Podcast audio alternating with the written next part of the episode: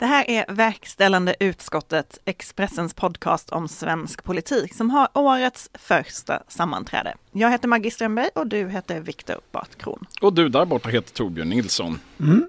Idag ska vi bland annat prata om regeringens vilda coronajul och vad som egentligen händer med den här pandemilagen.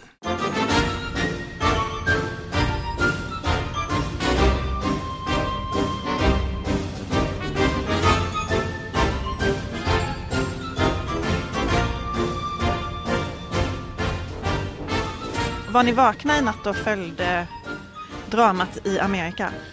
Ja, eh, det var ju praktiskt för en gångs skull så att, de, att dramat till större delen utspelades dagtid där. Det brukar annars vara valvakor på kvällen som gör att det blir väldigt, väldigt sent.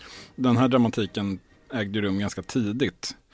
För jag antar att du tänker på det som hände i Washington? Eh, ja, förlåt, USA menar jag också, det är så slarvigt att säga Amerika för det är ju många fler länder. Men eh, i, eh, precis, när eh, kongressen skulle ja, formellt certifiera Joe Bidens seger. Eh, Donald Trump hade ett eh, massmöte och talade om för folk att de skulle gå ner till Kapitolium, vilket de gjorde. Och så gick de dessutom in i Kapitolium. Mm. Det var en ganska uppseendeväckande händelseutveckling. Och eh, upp i talarstol och in på talmannens kontor. Och, eh, ja, det var märkliga scener som utspelade sig. Halade USAs flagga och hissade Donald Trumps flagga ja. en Trump-flagga? Det, det var någon slags eh, memetisk statskuppsförsök. Jag vet inte vad man ska säga om det. Det, var ju, det mesta är ju redan sagt eh, om detta angrepp på den demokratiska processen. Som ändå sen återupptogs. Kanske tidigare lyckligtvis än vad de flesta trodde när man såg de här bilderna från början. Kongressen kunde sammanträda sen till kvällen och göra sitt jobb och Joe Biden är nu även formellt eh, vald till USAs president. Eh, gott så, får vi väl säga. Men eh, fortfarande inte då insvuren och eh, det, det är ju ett antal dagar kvar här då många funderar över vad som ska hända och vad som kan hända. Ja, det mesta verkar det ju som. Nu har ju eh, Donald Trump för första gången eh, gjort någon form av medgivande om att det här kommer att sluta med att han avgår. Mm. Vilket ju får ses som ett framsteg i, i, det, i det mycket lilla. Eh, förväntansbilden är ju inte jättehög där men eh, det är nog så att det kan hända en hel del under de 13 dagar som återstår. Men det kom ju en del svenska reaktioner på händelserna. Alla följde ju eh, förstås detta igår. Um, såg ni några intressanta svenska politiker? Ja, ingen världshändelse är ju för stor för att inte landa i en Twitterdebatt mellan Ivar Arpi och Annika Strandhäll. Det kan vi konstatera i alla fall. Eh, möjligen inte helt eh, Lars Bäckman var det väl och Annika Strandhäll? Ja, han eller? Jag var ja, oväntat. De kanske, kanske hade två. Verkligen oväntat. Men Ivar Arpi bråkade med alla andra tror jag. Det kändes lite så. Det, mm. det, var, det var ett unisont fördömande. Eh, någon par enstaka relativiserande tweets som sen blev underlag för väldigt mycket debatt också. Men jag eh. såg också en hel del eh, som sa hurra för januariavtalet. Mm. Januariavtalet gör att eh, vi inte har sett sådana här scener i Sverige. Eh, och Annie Lööf var ju också eh, snabbt ute och, och, och eh, kommenterade detta. Hon, hon la upp en film alldeles nyss nu här på torsdag morgonen eller förmiddagen där hon skrev att eh, det som vi bevittnade igår kväll, eller hon, det var en tweet så det var både text och en film där hon sa det hon skrev. Eh, det vi bevittnade igår kväll är en attack på demokratin. Det visar hur viktigt det är att stå upp för rättsstaten, den liberala demokratin och mota aggressiva högerpopulistiska krafter, inte släppa in dem i värmen. Det där är väl ett förtäckt hurra för januariavtalet? Det är väl framförallt inte särskilt förtäckt. Det är, det är väl ett brev riktat till Ulf Kristersson? Och det är väl det som många gör poäng av inrikespolitiskt av detta. Eh, och det går ju diskutera i vilken grad man, man kan göra det förstås. Men det är, det är spännande att det går så fort. Alltså, lyssnar man på Annie Lööf så är det lite som att det enda sättet att rädda demokratin i Sverige, det är januariavtalet. Det finns inga andra lösningar för att rädda demokratin. Men Ulf Kristersson var ju ute ganska tidigt igår eh, med kraftiga fördömanden där han också väldigt tydligt la skulden på Donald Trump för det som skedde. Eh, även Ebba Busch var ju stark i sina formuleringar. Hon fick ju kritik efter själva valet för att hon eh, inte jublade tillräckligt mycket när Joe Biden vann och mm. Donald Trump förlorade. Eh, men nu har, var hon, hon la också skulden på Trump och, och eh, pratade om hur sorgligt det här var och det här är ett kuppförsök och, och så vidare. Medan Jimmy Åkesson eh, skrev att han måste säga att han har, eller han sa så här. Jag måste säga att jag har svårt att formulera mig kring det som händer i Washington. Det är bara djupt ovärdigt. Mm. Hur ska man tolka detta? Han kände i alla fall till det. är det, jag skulle just säga, är det inte ett klassiskt exempel på att Åkesson inte känner till saker eller vet eller inte? Kan ja, inte svara på den frågan just nu. Nej men så här, det, det är ju, jag har nog många gånger i den här podden och i andra sammanhang varit noga med att påpeka att Sverige inte är USA, trots att väldigt många inblandade i den svenska politiska debatten tror det. Det, det, det är på många olika områden och det gäller ju även i den här frågan. Det, det blir ju lätt extremt eh, banalt, ytligt och ofta dumt när man försöker överföra den väldigt specifika historiska bakgrunden och, och, samhällets sammansättning, statens funktionssätt eh, i USA och ta det rakt av på svenska förhållanden och säga att eh, titta så här är det där, då är det så här också. Det där har ju partier försökt på många olika sätt tidigare i andra frågor och det har inte visat sig rätt och det, det gör det ju inte här heller. Men, Men idéströmningar och det syn sagt, på demokrati, eller? Det är inte helt hundra på att det är en rak jämförelse möjlig att göra heller. Det är trots allt väldigt olika traditioner. Det finns ju betydligt närmare exempel om man vill titta på utländska exempel som ligger historiskt kulturellt när, och även politiskt närmare oss än vad USA gör. Men vi har konstaterat det tidigare i den här podden. Sverigedemokraterna och deras, flera av deras nuvarande och även kanske framförallt tidigare toppföreträdare valde ju ett väldigt, väldigt dumt tillfälle att gå ut och associera sig med den amerikanska högern kan vi konstatera. Eh, jag tror att man ångrar sig en och annan debattartikel eh, och eh, ett och annat Facebook-utspel på temat att man verkligen hoppas på en republikansk valseger och att eh, Donald Trump visserligen kanske är lite knasig men eh, det har ju verkligen, verkligen, verkligen inte fallit väl ut. Det, det har ju dragit på ett på ett, eh, ett, ett sätt som för 5-10 år sedan hade varit helt absurt att föreställa sig så har ju kopplingen till republikanerna i USA tyngt ner Sverigedemokraternas varumärke i Sverige. Eh, det är en helt absurd tanke som sagt för några år sedan. Det skulle ju i så fall varit det omvända om de nu ens hade vetat vilka Sverigedemokraterna var. Men, men, men ni förstår vad jag menar. Ja absolut, men man, om man, man såg ju igår eh, och under dagen idag också en ganska tydlig eh, höger-vänster uppdelning i de politiska sociala medierna där eh, vänstern vill säga titta på det här avskräckande exemplet och högern vill säga det går inte alls att jämföra, det här är bara trams. Och det om något pekar väl på att vi kommer väl antagligen att få leva med det här exemplet in i nästa valrörelse. Att det här kommer användas som någon form av avskräckande, så här kan det gå. Och det, och det, och det ska säga, det, det, finns ju mekanismer i det här som, som det är klart att man kan peka på. till exempel, eh, vad ska vi säga, den fråga jag själv ställde till Ulf Kristersson, intervjuade honom i höstas, och den får jag stå för att, eh, hur han såg på risken för att bli en, vakna en dag och eh, vara en svensk Mitt Romney. Eh, eller inte Mitch McConnell kanske, för det kräver att man är lite för slug. Men eh, det, det, det, och det, den viftar han ju bort fullständigt. Men det är klart att det, den, den risken, om än på andra sätt och i andra sammanhang, kan ju finnas om man ger sig i lag med några som tycker att utvecklingen i det republikanska partiet har varit toppen. Vilket ändå har varit en sverigedemokratisk ståndpunkt. Och även om man har sagt, skjutit in att Trump är lite knäpp. Så det, det, är klart att den kopplingen har man ju gjort själva från Sverigedemokratiskt håll och den får man nog leva med och då kommer den att smitta även på andra. Mitt Romney är ju förresten kanske den, den liksom hjälten här nu, framstår han ju som. Och då får man tänka på att i, i en del politisk journalistik så vill man gärna utse vinnare och förlorare. Jag förstår inte så, alls vad du pratar om. Så jag tänker att den enda vinnaren på det här, det är ju Jesu Kristi kyrka och sista dagars heliga. Mormonkyrkan. Mormonerna. De vann det här. Verkställande utskottet är ju en podcast från Expressens politikredaktion som gör mer än bara poddar. För att ta del av allt vi gör, och det vill du, eh, då ska du bli medlem i inre kretsen, det vill säga vårt specialerbjudande på Expressen Premium. Mycket prisvärt, 29 kronor i månaden i första sex månaderna. Därefter 69 kronor i månaden, inte mycket det heller. Just nu kan du läsa hela listan över Sveriges framtida makthavare, de 30 mäktigaste under 30, som vi publicerade här i onsdags, eh, exklusivt för dig med Expressen Premium. Expressen.se Expressen Politik går du in på och så skriver du upp dig eh, där och så blir du medlem och så blir allt jättebra. Ja, vi andas ut och lämnar USA för att istället fokusera på något ytterst svenskt, det vill säga regeringens vilda coronajul och brotten mot restriktionerna som kanske inte var brott mot restriktionerna fast ändå fel eller hur det nu var. Jag ska gå igenom lite kort vad det är som har hänt Berätta. om någon har varit eh, bortrest höhö, eller så under jul och nyår. Eh, Det började i mellandagarna med att eh, vår systertidning Kvällsposten kunde berätta att eh, justitieminister Morgan Johansson hade setts eh, på köpcentret Nova i Lund på mellandagsreans premiär. Vilket i sig är rätt kontroversiellt, alltså om man eh, känner till något om skånska köpcenter.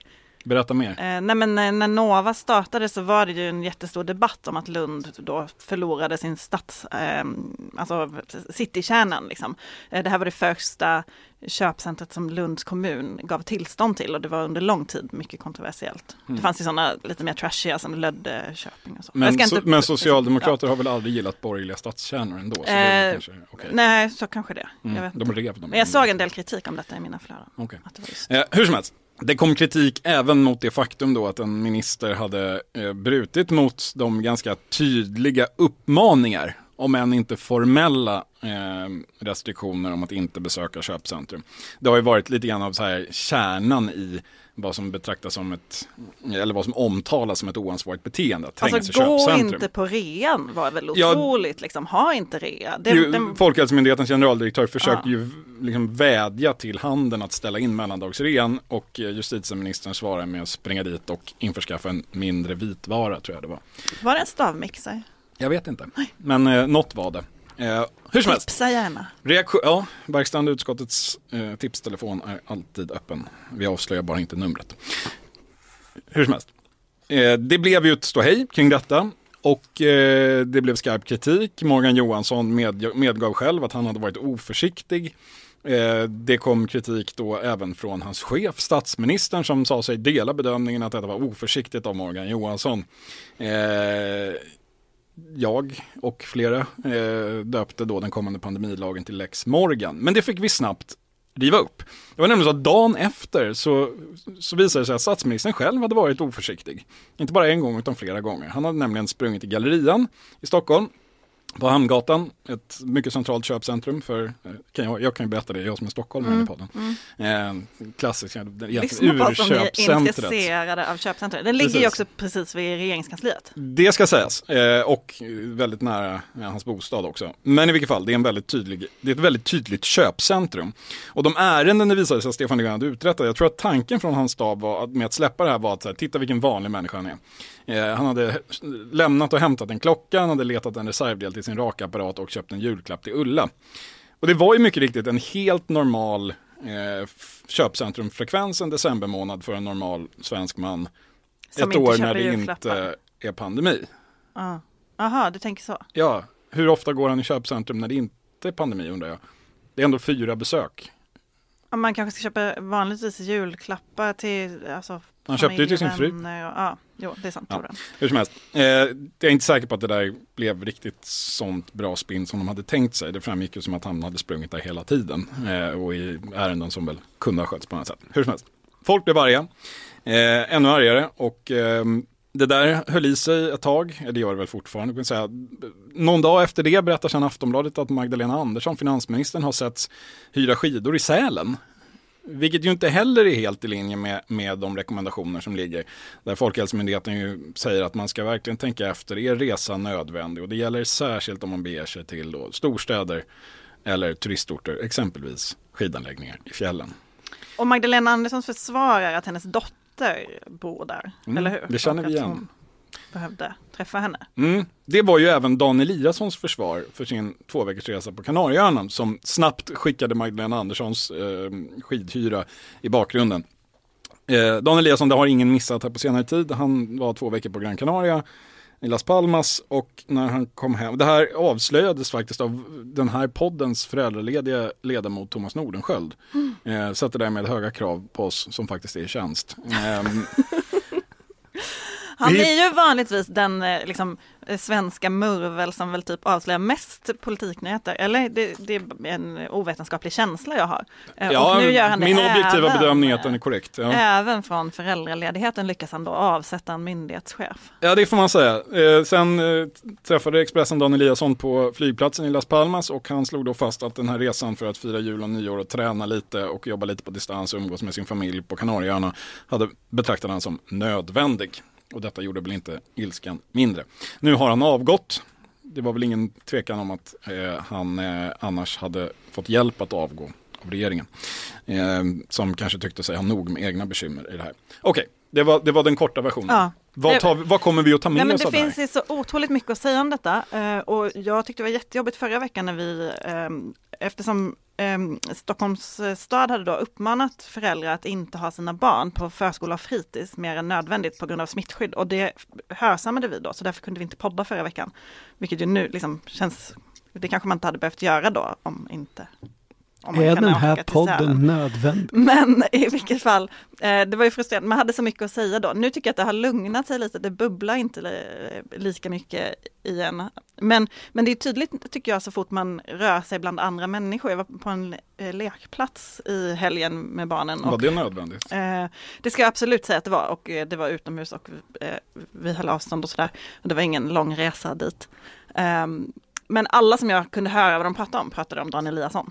Det verkar, det verkar vara liksom jag hade en liknande upplevelse i en annan lekpark på, under mellandagarna där det enda folk pratade om var gallerian mm. på olika sätt. Så, men jag tror verkligen att det här har, har eh, eh, upprört människor och, eh, men också att folk, som jag har pratat med många som bara, men vad är det som gäller egentligen då? Det har ju också luddat till de oerhört luddiga restriktionerna ännu mer, som Stefan Löfven säger inte är tips, men som ändå typ verkar vara tips. Jag tycker att det, det, det som kommer det finns ju också de, ska vi säga, ganska många som säger att äh, vad är det här? Det är väl inget. Jag tror att förhållningssättet till de här nyheterna grundar sig ganska mycket i hur man själv har agerat. De som har följt en striktare regim är förbannade ofta, känner sig kanske lite lurade. Hade, jag hade inte behövt avstå det där, jag hade kunnat göra det där, jag be, hade kunnat betrakta det där som nödvändigt och så vidare. Medan de som kanske har tagit ut svängarna lite mer ser sig som, eh, ja, de, de har ju i detta blivit bekräftade att det faktiskt var rätt. Men jag tror nästan... Så länge man inte åkte till Kanarieöarna. Ja, men jag skulle Obs. säga att äh, i, i Thomas Nordenskölds äh, och äh, Thea Mossige Norheim som också gjorde den, i deras avslöjande om Dan Eliasson, då, var det ju, då hade de ju pratat med en person som hade befunnit sig på flygplanet och sagt att den här personen tyckte att det var fel att en myndighetschef gjorde detta, men reflekterade inte över att hen själv befann sig på detta plan. Och det där tycker jag man stöter på hela tiden. Eh, folk som säger, och jag åkte till Sälen, det var väldigt mycket folk i skidbackarna, eh, väldigt mycket gymnasieelever, hur kunde de stänga gymnasieskolorna? Och så försöker man säga, men du var ju också där. Det är, ju, det är ju faktiskt en annan aspekt av det här med regeringen som kanske är den mest flagranta, när både Morgan Johansson och Stefan Löfven eh, hänvisar ju direkt eller via sina, sitt folk till att man undvek trängsel. Och det är klart, det enda sättet att undvika trängsel i, på mellandagsrean start på Nova i Lund eller i Gallerian i Stockholm dagen för julafton är ju om väldigt många andra hörsammar uppmaningen att inte gå dit.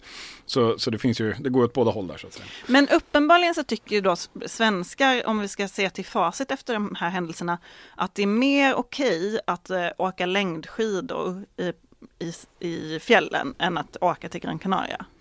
Eh, det, och finns... det tror jag inte bara handlar om att resa utomlands eller inte och vilken exakt uppgift du har om du är myndighetschef för MSB eller om du är finansminister, utan jag tror att det också handlar om vad det sänder för signaler. Alltså att åka längdskidor är ändå lite att plåga sig själv och att åka till Gran Canaria är bara härligt. Det är, det är, möjligt, det är möjligt att du har rätt. Jag, jag alltså tänk... det är något strävsamt ja, svenskt mm, i, jo, jo, jo. i det och det andra det är något slappt Möjligen svenskt. så går det väl också liksom hävda att är Åka längdskidor går ju att göra ganska isolerat. Du åker oftast i en bil dit, tar ut dina skidor, är, kan vara helt ensam i ett spår medan hur du än gör för att ta dig på ett hyfsat normalt sätt till, till Kanarieöarna så, så måste du liksom in på en flygplats och in i trängsel och sitta på ett flygplan och ut eh, och hämta bagaget och ja. Det, det, men det är väl ändå... Smitt, alltså om man, om man ska gå ner på, på den nivån med, med liksom smittrisker så, Ja. så. Men hon hyrde ju ändå sina, hon hade, ägde ju inga. Nej, jag, jag noterade också det. Men ni- Eh, men- det är ju bra ur ett miljöpartistiskt perspektiv att hyra. Ja men nu är de Om vi inte nu så pratar om- många. Om vi nu ställer skam mot skam. Fast jag tror ändå inte, vi kan inte bara, Hade vi kan inte bara hoppa förbi Det är den, det är den riktigt stora miljöpartistiska vi, frågan. vi kan inte Hade bara hoppa förbi frågan om att han var generaldirektör för krisberedskapsmyndigheten och satte sig på en ögrupp utanför Afrikas kust väldigt, väldigt långt hemifrån i en tid där reserestriktioner införs kors och tvärs eh, mitt i andra vågens pandemi. Man på en myndighet också- som då har som kanske huvudsakliga uppdrag att uppmana, uppmuntra och övertyga folk om att inte till exempel åka till Kanarieöarna. Det är klart att den situationen blev ju mer ohållbar, eh, allt annat lika. Man Det- undrar också hur många britter som var där. Med, med den brittiska mutationen. Alltså hur farligt var det att åka till Kanarieöarna? Var det inga britter där? Fick de inte åka till Kanarieöarna? Jag vet De inte, brukar men, eh, åka Det till vore en intressant så här års. på det hela om det var Många Dan britter. Eliasson som tog in Mm, det den det brittiska tänker. mutationen. Ja, det skulle vara höjden. Men jag tänker en annan sak om detta. Mm. Om jag får Gör gärna det. Nej men jag tänker att liksom hela grejen, alltså kärnan i liksom strategin, den så omdiskuterade, är ju frivilligheten. Och vad det här någonstans visar är ju att frivilligheten inte riktigt fungerar. Inte riktigt fungerar som man har tänkt sig i alla fall. Alltså dels för att det blir så att säga en diskussion och kontroversiellt och var och en ska göra sin bedömning och sådär. Och då är, är väl ett utgångsläge att liksom, myndighetschefer och ledande politiker ska föregå med gott exempel. Ja, men det, är- och det, Och det, de här är ju inte de första, det har ju funnits några tidigare under hösten och sådär. Men varsågod. Ja men när man pratar med, alltså hela hösten när man har pratat med folk i regeringskansliet och kring coronalagstiftningen, kring restriktioner och annat, då har de ju just beklagat sig över att människor inte längre, alltså pratar man med tjänstemän i regeringskansliet så verkar de tycka att den svenska strategin bygger på att okej det finns ett antal eh, då, frivilliga rekommendationer, restriktioner och folk följer dem ännu mer. Folk gör mer än detta. Mm. Så Det det beskriver var de i våren. Att, att man, man, man går ännu längre. Och att då som, som eh, statsminister inte göra det, utan till och med då eh, liksom trotsar rekommendationer och sen har Mikael Damberg som försvarar en genom att säga att han följde ändå intentionen att det inte skulle vara trängsel. Det är liksom något helt annat än att gå längre än vad de frivilliga restriktionerna föreskriver. Ja, jo men på det sättet så är det, jag ser det här liksom som en, en lite naturlig slutpunkt på hur den där frivillighetslinjen liksom var en framgång som man anser sig ha mätt upp i liksom minskad trängsel, minskade resor, minskade sociala kontakter under våren. Att, att folk eh, i hög utsträckning tog det här på allvar och, och i, i, la band på sig själva. Och sen har det liksom successivt spårat ur mer och mer. Och den här liksom idén att det här ska, det, det ska vara en uthållig strategi. Man måste göra det frivilligt för att folk ska stå ut under lång tid. Så visar det sig att det har inte ens gått ett år eh, och sen är liksom de ledande företrädarna de som hamnar med fingrarna i sylt, syltburken eller åtminstone i diskutabla situationer. Men man måste ju inte säga att det är oerhört skickligt av eh, de här personerna att sen då hålla sig undan rampljuset så mycket som man har gjort och så skickar man ut Mikael Damberg som in, ingen har kommit på med att bryta mot någonting. Jo, som, men han var också i något köpcentrum någon gång, Jaha. sa han ju, men, men det är ingen som bryr sig riktigt. Nej, okej.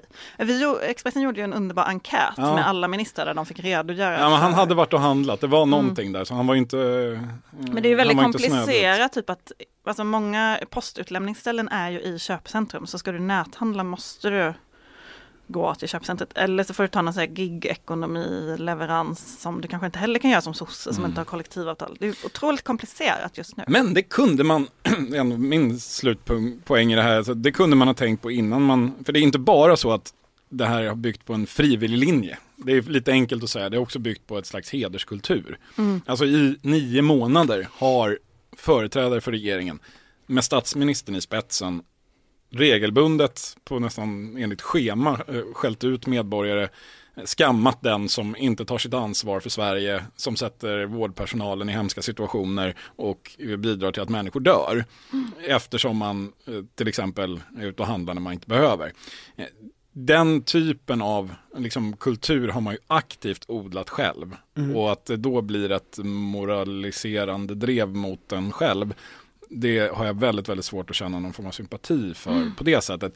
Eh, det, det, är ju, det, är ju, det är ju den, om något är det väl den kulturen kanske som har gått in i väggen. För jag skulle nog tvärtom vilja säga att det faktum att Stefan Löfven just kunde undvika trängsel är ju ett tecken på att frivillighetslinjen ändå faktiskt fungerar ganska bra fortfarande. Hade den inte gjort det hade det varit överfullt som det alltid. Jag har varit i Gallerian den 23 december. Eh, jag brukar handla julklappar då eh, normalt sett. Eh, det är inte så att du kan undvika trängsel ett normalt år. Så det är uppenbart, det är ju många som fortfarande följer det här. Men det här, det, liksom bryter ju ner den, den skamkultur som, som var tänkt att upprätthålla den frivilliga linjen. Absolut. Om man säger så. Nej, eh, Aida Hadzialic eh, avgick efter att ha eh, druckit vin och kört bil.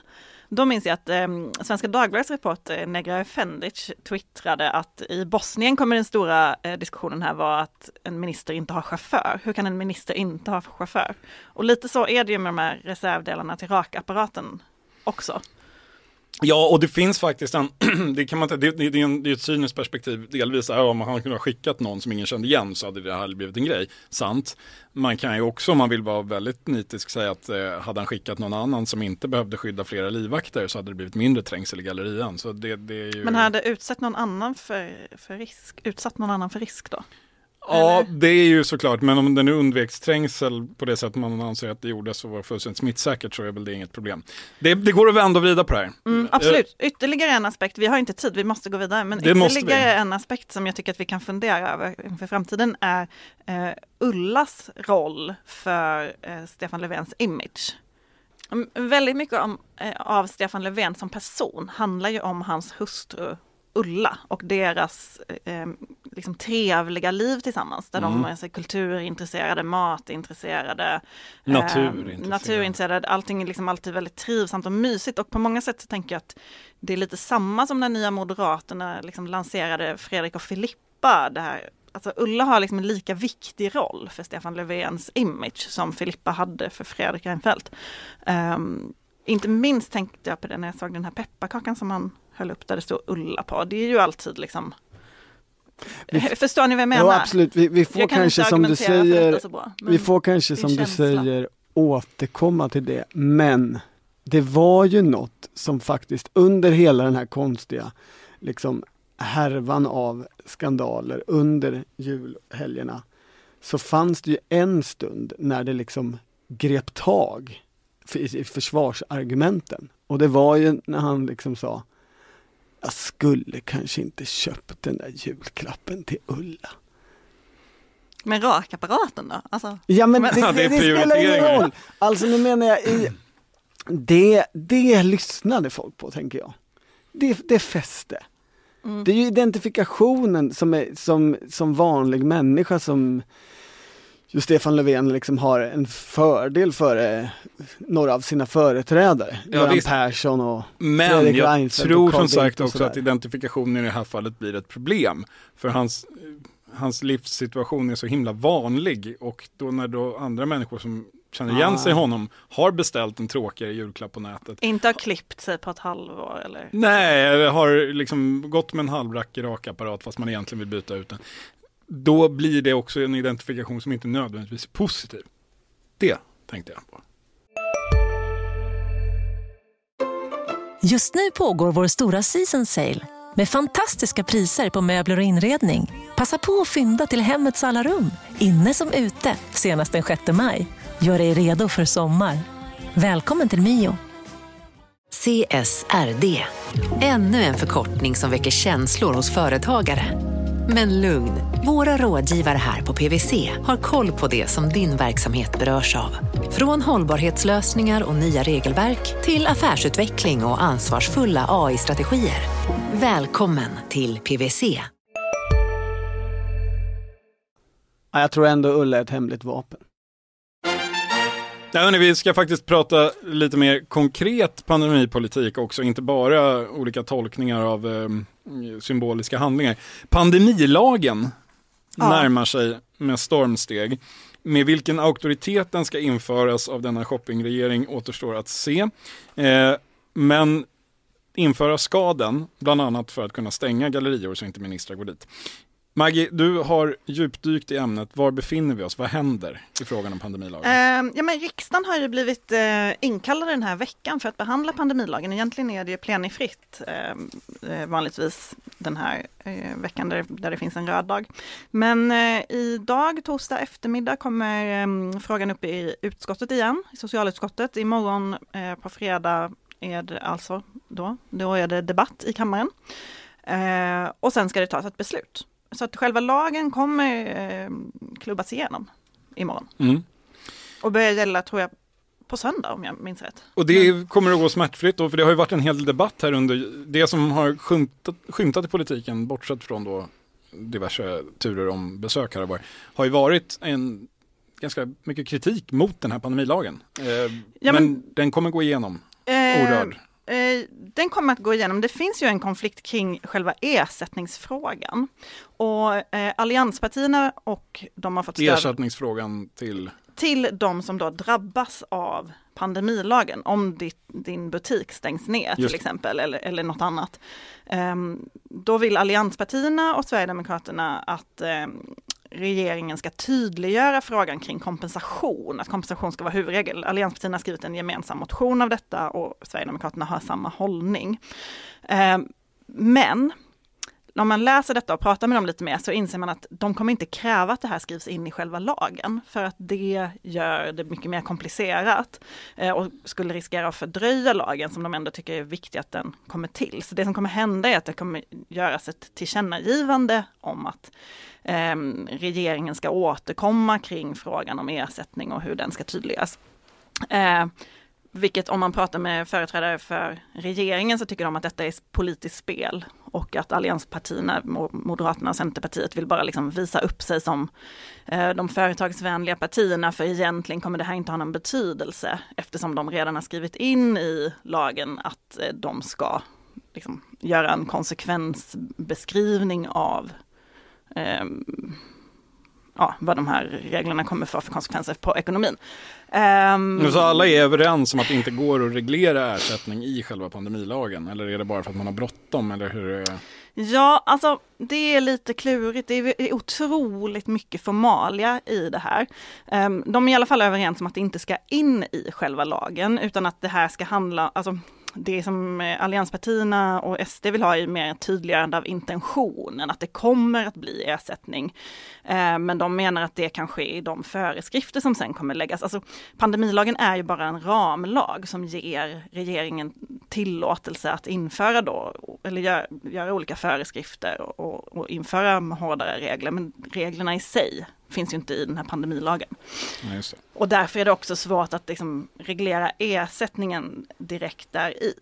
Har det inte också med historien att göra att när man bråkade och till slut tog den här eh, bemyndigandelagen i våras, Maktlagen. maktlagen som vi också kallade den, så var Lyssna ju, på var, avsnitt fem av verkställande utskottet om ni vill veta allt om så var maktlagens ju det tillkomst. där med ersättning, liksom den, det, det som moderater, drev, Moderaterna drev hårdast men som de ju inte fick någonting för, som de helt enkelt losade då. Ja, men även där fick de ju typ igenom att så här, regeringen ska återkomma kring hur det här ska fungera, vilket är ungefär vad de begär nu också. Men då, den lagen användes ju aldrig så att vi fick ju aldrig veta hur det faktiskt skulle bli. Men Mm. eh, till pandemilagen har det faktiskt redan skickats en eh, föreskrift på remiss. Det gjordes dagen före nyårsafton och det är inte så många som kanske har läst den i detalj. Men, Men det har du. Ehm, jag Eller? Ja, det har jag, för jag tycker att det här är så himla spännande. Men den, Mm. den handlar ju då om att bland annat att stänga ner handelsplatser, alltså köpcentrum, att reglera eh, gym, men också platser för privata sammankomster, alltså typ eh, alltså festlokaler och Mm. liknande. Ehm, och kring ersättning, ersättningsfrågan i den här föreskriften så står det bara att ehm, frågan om ekonomisk ersättning ska övervägas inom ramen för det löpande arbete som redan bedrivs, alltså typ omsättningsstöd och andra saker. Så här har ju regeringen redan visat hur de tänker hantera den här frågan och det är ungefär som att det är, alltså regeringens hållning är att det här får gå in i de andra allmänna generella stöd som finns.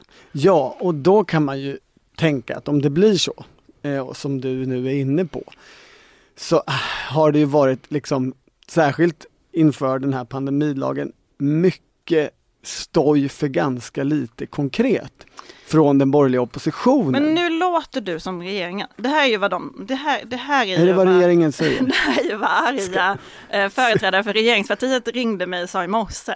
De menar ju att egentligen tycker man samma sak här. Um, och det är mycket, det, det, här handlar om att liksom skapa diskussion kring den här frågan och, och, på något sätt hitta en politisk konflikt kring ekonomin som har funkat ganska bra hittills för, för de borgerliga partierna. Uh, men pratar man med företrädare för de borgerliga partierna så säger ju de att de tycker att regeringen hela tiden har varit väldigt motvillig kring företagsstöd. Alltså man fick ju pressa dem till att ens införa de här omsättningsstöden till exempel. Ja men jag eh, tycker inte det finns underlag att säga att man tycker likadant. Däremot så verkar det finnas underlag att säga att den borgerliga oppositionen förlorar.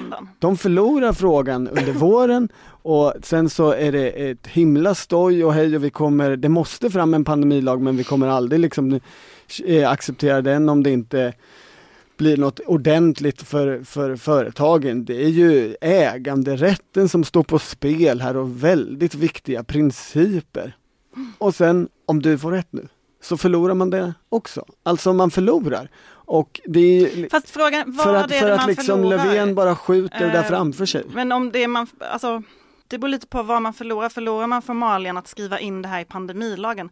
Det verkar ju, det tycker ju eh, till exempel regeringskansliets jurister som ju är de som har tagit fram den här pandemilagen. De tycker att det är väldigt komplicerat och det tycker ju egentligen även ehm, Juristerna på mode, hos Nej, men Moderaterna. alli- nej, allianspartierna tycker ju också att det är för Mm. komplicerat att, att i detalj eh, be, be, beskriva hur detta ska göras eftersom det är så himla vitt skilda. Däremot vill man att man ska kunna ha så intentionen, det ska göras. Men det finns också ett exempel på när det här faktiskt har gjorts. Och jag tänkte att jag skulle berätta för er om Tage Erlander. Gör det. Ska du? Eh, för ni vet, eh, på 50-talet så fanns det ju pandemin Asiaten. Ja. Minns ni den? Jag tror Torbjörn har pratat om den. eh, Jag tror också något det. av alla Erlander-tillfällen. Otroligt eh, OPK-namn, man skulle inte säga, säga asiaten idag.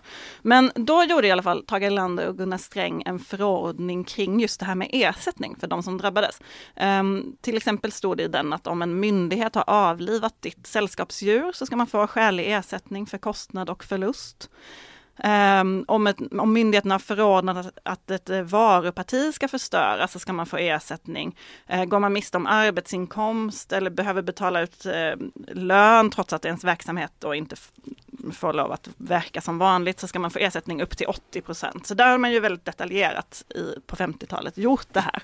Och det finns det också de som pekar på att man skulle kunna göra så även den här gången. Regeringen är ju helt ointresserad av att göra det. De, de vill, vill ju inte liksom detaljskriva det här utan de vill ju göra det väldigt generellt.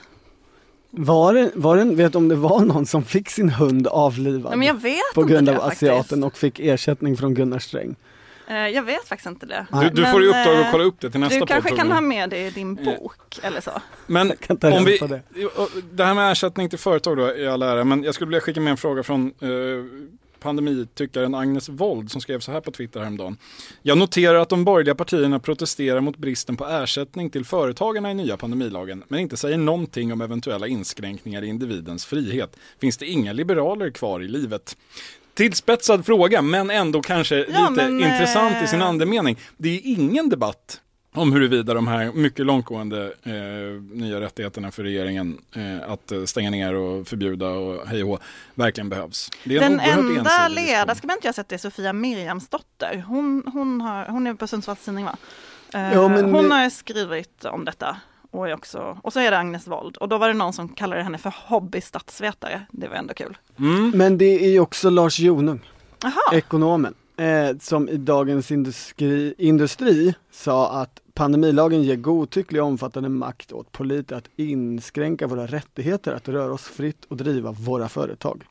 Och så tillägger han, i icke-citat men i brödtext, att lockdowns inte hör hemma i demokratier. Och det här är ju en Så han är- diskussion han som är helt borta. är- Ja, det, det är precis som liksom tidigare eh, Dagens Nyheters ledarredaktion har stått, stått mot Dagens Industris, så står också de svenska gammelekonomerna, alltså Lars Calmfors mot Jonung. På varsin sida. Eh, mm. Men det här säger något tycker jag, eh, om man ändå ska bli lite bredare, om, om hur liksom, debatten har förts. Alltså det är ju sen, det finns någon kvardröjande bild att, eh, att eh, den svenska etablissemanget, eh, medier, makthavare, myndigheter är i någon slags PK-konsensus om att om någon hej och hå och tjolahoppsan-linje här kring pandemin. I själva verket så har ju trycket varit helt ensidigt sedan maj åtminstone för mer, hårdare, drastiska åtgärder. Men samtidigt om man det, jäm- finns ju ingen, det finns ingen motkraft liksom, förutom Lars Jonung då kanske. Ja, men om man jämför med när då den så kallade maktlagen eh, skulle genomföras, då skrevs det ju ändå ganska mycket om att eh, det här är en historisk lag som flyttar makt från riksdag till regering. Det var ju en stor diskussion i regeringskansliet mellan maktkritikerna Miljöpartiet och maktpartiet Socialdemokraterna om rimligheten i detta. Eh, så har det inte varit den här gången. Då fanns ju inte den här underställande mekanismen, alltså riksdagens vetorätt. Den fanns ju inte med från början i maktlagen. Det var ju det mycket av debatten handlade om. Den finns ju med i pandemilagen. Men eh, jag, jag frågade faktiskt en, en miljöpartist nyligen, hur ser ditt parti på detta nu? Eftersom det var så känsligt i våras. Och då sa hen att eh, nej men vi har nog vant oss nu. Det är inte, inte en stor diskussion. De tycker också att den här lagen är bättre och, och mer välgjord än den förra. Men det är ju lite intressant ändå om man ska binda ihop det lite här, att, att det, det framstår som helt o... Det, det, det, det, det, det är en självklarhet i debatten att vi så snabbt som möjligt måste ha lagstiftning på plats så att regeringen kan stänga ner saker som regeringsföreträdarna själva uppenbarligen inte verkar tycka är så himla allvarliga ändå. Om vi, om vi ändå ser till det samlade mönstret av de senaste veckorna i svensk politik. Det, det, det är någonting här som är lite udda ändå. Sen finns, jag håller, jag håller verkligen med om det, jag vill inte säga emot det, men jag vill bara lägga till att eh, eh, pandemilagen handlar ju också om den situation vi hade i somras, då man behöver börja öppna upp igen och att kunna göra det på ett bra eh, och flexibelt sätt. Det gick ju inte riktigt eh, i somras, trots att man kanske hade kunnat det i vissa sammanhang, när man bara hade ordningslagen som var mycket mer trubbig och då införde man ju det här konstiga undantaget som liksom inte fungerat. Och, Men i, i den där frågan om liksom eh, de demokratiska riskerna eller vad man ska säga eh, med den här typen av lagstiftning så är det ju intressant att liksom eh, som Viktor påpekar så, så har ju liksom huvudtrycket i opinionen har ju varit under lång tid stäng ner mer. Hur hitta sätt att stänga ner mer? Eh, det är klart det måste gå och sådär. Och det har ju liksom, även om det i första hand handlar om smittspridning och liksom strategi så har ju det, tänker jag, effekter på liksom det där andra samtalet. Och där är det ju liksom, det har ju hänt någonting jämfört med diskussionen om maktlagen, bemyndigandelagen och diskussionen om pandemilagen. Där det ju har varit mycket mindre liksom diskussion om de aspekterna. Och men det som har om hänt den där är väl 10 000 miljöpartisten kanske är lite döda. typisk. De Det har har, vant sig. 10 Liksom. 000 personer har dött. Vi har kommit fram till punkten övriga frågor. Ehm, och jag skulle väldigt gärna vilja prata om den kommande regeringsombildningen. Eh, när Miljöpartiet byter språkrör i slutet av januari så kommer det ju ske en regeringsbildning, ombildning eftersom eh, Isabella Lövin också lämnar regeringen. Mm. Och eh, jag tror, jag skulle vilja veta vad ni tänker. Har ni några spekulationer? Kommer Annika Strandhäll bli minister? Var det därför hon gjorde intervjuturné tidigare? Åh herregud. Kommer Aida Hadzialic tillbaka i regeringen? Det Kommer det s- några sossar bytas ut Det är ju överhuvudtaget? på de här frågorna jag arbetsvägrar. Jaha, okej, Viktor. Jag höll på att säga detsamma. Ehm, får vi säga att ett tråkigt svar är att Stefan Löfven har ju inte gjort sig känd som någon drastisk regeringsombildare som svingar vilt och byter ut folk om man inte måste.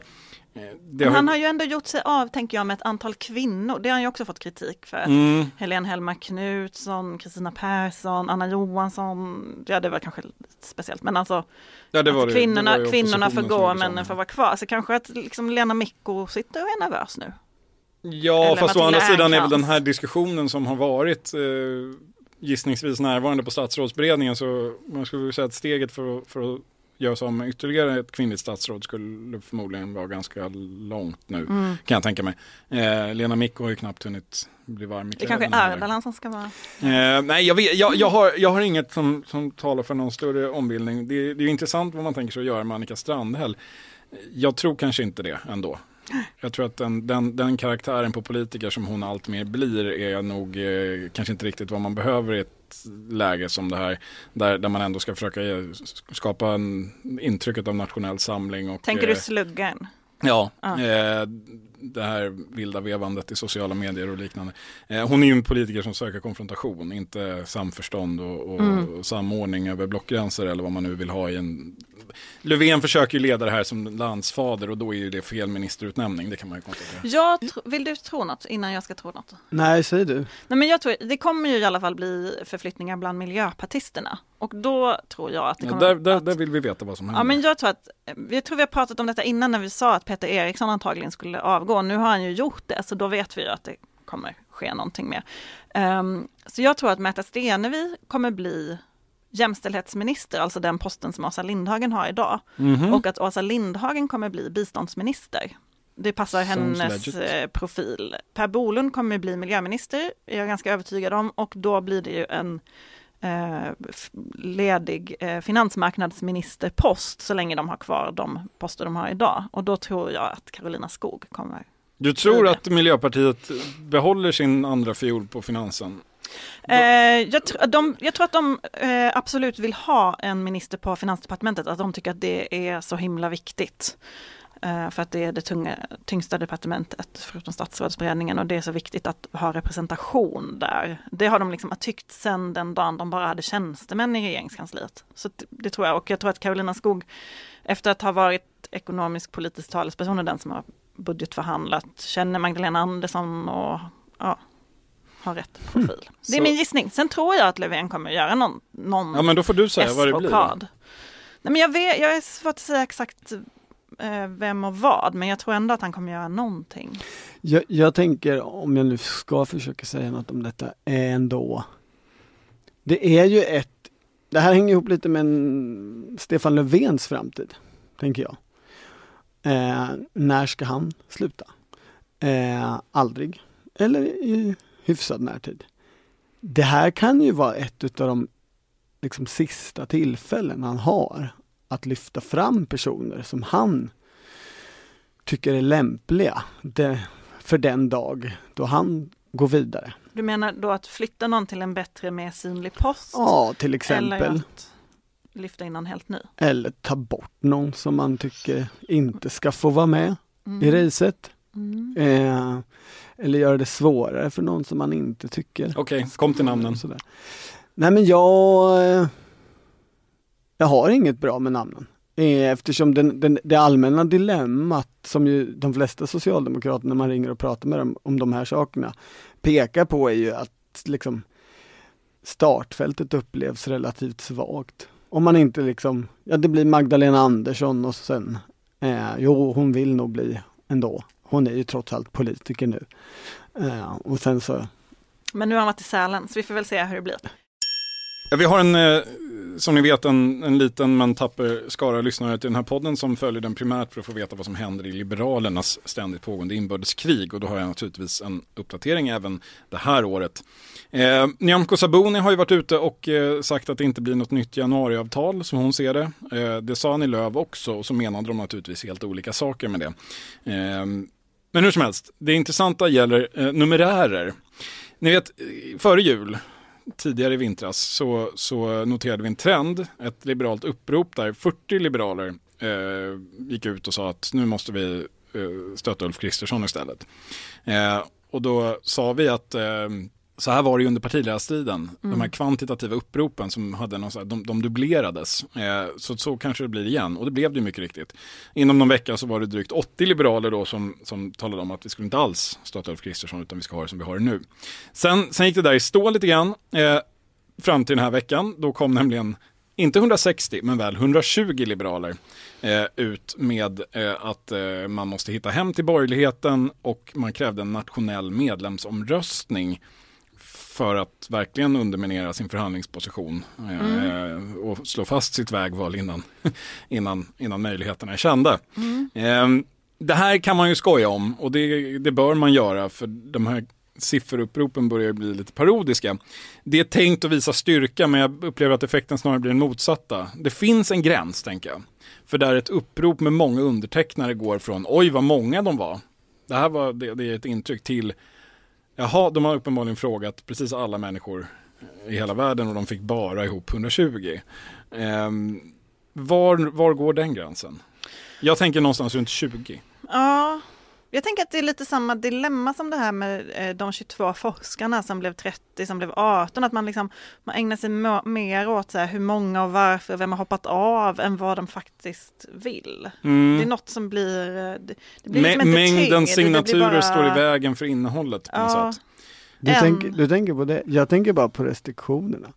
50 personer som sen går till 30. Man behöver inte träffas på Som sen går till 8. I Danmark är det fem nu.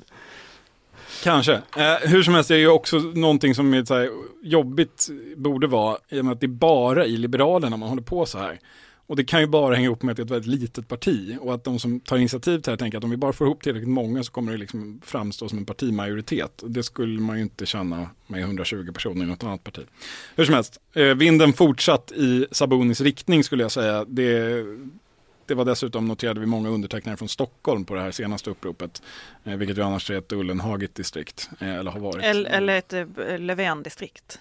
Ja, ja, förlåt, nu tog jag steget, gick ett steg för långt här. Ja, men, eh, januariavtalsdistrikt. Nej, men, och där finns ju något intressant om det skulle visa sig att medlemmarna i Stockholm inte går i linje med ordföranden i Stockholm, Anna Starbrink. Det, det skulle vara spännande. Vi lär följa frågan vidare, eh, vare sig ni vill det eller inte.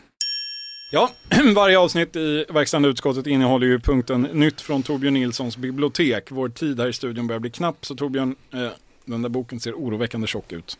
Eh, ja. Det hände ju saker i, i USA last night. Eh, och därför så tog jag mig till bokhyllan och tog fram Torbjörn Wallinders bok I kamp för demokratin. Utgiven eh, 1962, en bibel kan man säga i frågan om eh, demokrati i Sverige. Man ser att du har sprättat sidorna själv. Det är en sån, det är en, det är en sån bok. Ja, och jag har läst den här väldigt mycket faktiskt. Jag, jag, har inte läst den nu så jag har inget bra att citera ur den. Men under ett års tid så läste jag den här om och om igen. Det här är en bok som handlar om rösträttsrörelsen i Sverige från 1886 till 1900. Den slutar alltså innan Sverige fick, fick rösträtt eller ens fick innan någon liten del. Fick. Ja innan, innan eh, rätt många män fick också. Det var ju först 1906-7 där. Men så här, Donald Trump och en hel del andra händelser i västvärlden eh, har ställt frågan om demokrati på spel och därför tänker jag att det kan vara klokt. Det här, det här segmentet är ju lite av ett boktips nu för tiden. Jag tänker att man bör läsa den här boken, för den eh, visar på hur, hur pass liksom komplext och svårt det var att införa rösträtt och demokrati i Sverige hur lång tid det tog, hur extremt segt motståndet var. Den är ju på en extrem detaljnivå den här, alltså man följer då så att säga den liksom rösträttsförening som finns eh, och som bildas av socialdemokrater och liberaler och vad de har för olika strategier, deras interna bråk. Eh, på, på 1890-talet så skapar de ju liksom en hittepå-riksdag Alltså de har val till en låtsasriksdag. Eh, folkriksdagen kallas den. Eh, och där många fler människor i Sverige röstar än de som röstar i de riktiga valen till den riktiga riksdagen. Det är som en liksom opinions eh, och påverkanskampanj. Och sen så blir man oense om hur man ska gå tillväga, man är också oense om vilket som är viktigt. Eh, att alla får rösträtt i ett svep, att man eh, sänker de här pengagränserna som det handlade om. Eh, att kvinnor får, eller inte, eh, vilk, vid vilken ålder och sådär. Otroligt komplext. Det här blev ju en diskussion igår efter att vi hade publicerat eh, Expressens makthavarlista, alltså den här, de 30 mäktigaste under 30 år. Där, Just det. då den, På eh, 13 dagen varje år. eh, debattören och eh, domaren och tidigare statssekreteraren Christer Thelin, eh, tidigare domare också, han är väl pensionär idag, eh, tyckte att vi måste eh, höja eh, man borde inte få syssla med politik när man är sådär ung. Och då blev det en stor diskussion i mina Mhm. mentions kring just eh, eh, synen på ålder och demokrati och när man borde få rösta. Och, Ja. och så. Det är ju, och det som är spännande med den här boken är att man faktiskt får en bild av eh, hur, hur extremt Sverige var. Eh, liksom, hur extremt långt borta idén om, om demokrati och rösträtt var i Sverige relativt andra länder också. Och hur jättefå människor som fick rösta under lång tid. Alltså på 1870-talet så, så var det ju inte 100% i rösträtt i, i liksom de flesta europeiska länder men väldigt många eh, i väldigt många länder så fick väldigt många människor rösta. Det var ganska liksom Demokratin hade kommit ganska långt på många håll. I Sverige, i, vi kan ta ett val här, i 1884 så fick sex, alltså valet till andra kammaren i riksdagen, så fick 6% av befolkningen rösta. Och av eh, de myndiga männen så var det 24% som fick rösta. Men du tror inte att vi närmar oss det här Jenny? Jag tänker, kommer inte detta vara en av slutsatserna eh, efter händelserna i USA igår? Att eh, människor som klär sig i eh, sån här eh, ekorrpäls och eh, Horn. borde inte få rösta. Vi måste kontrollera rösträtten. Jo, och det har ju också, dels har det funnits en, en sån diskussion och det har ju också funnits en diskussion de senaste åren, eh, liksom om man tittar på bokflöden, om liksom, eh, vi behöver ha experter som styr mer eller vi borde göra som de faktiskt gjorde i liksom, eh, demokratins urhem Grekland och lotta eh, fram olika ämbeten. Det var ju olika liksom, avancerade lottningsmetoder som var ganska va- stor del av demokratin eh, i antiken. Eh, så det tror jag absolut. Och då bör man läsa Wallinders bok för att se vad, vad det liksom är för materia det här handlar om och hur pass eh, ganska segt arbete det Går, det- går den att komma över eller skickar man efter den hos dig på Eh, Jaha, du menar så. Eh, den här är så gammal så den finns säkert digitalt på eh, att läsa eh, i någon streamingtjänst höll jag på att säga. Men annars är ju Annars är ju antikvariat det enda, eh, den, den enda verksamhet som är samhällsnödvändig och central och viktig att stödja under pandemin. Jag tror att vi får avsluta där. Vi gör det helt enkelt. Eh, tack för att ni har lyssnat på 2021 års första sammanträde i verkställande utskottet. Jag heter Viktor Bart Kron, du heter Margit Strömberg, du heter Torbjörn Nilsson. Det gör ni nästa vecka också. Då ses vi och då är vi tillbaka på ordinarie publiceringsdag, det vill säga onsdag. Yes. Ha det så bra så länge. Hej hej.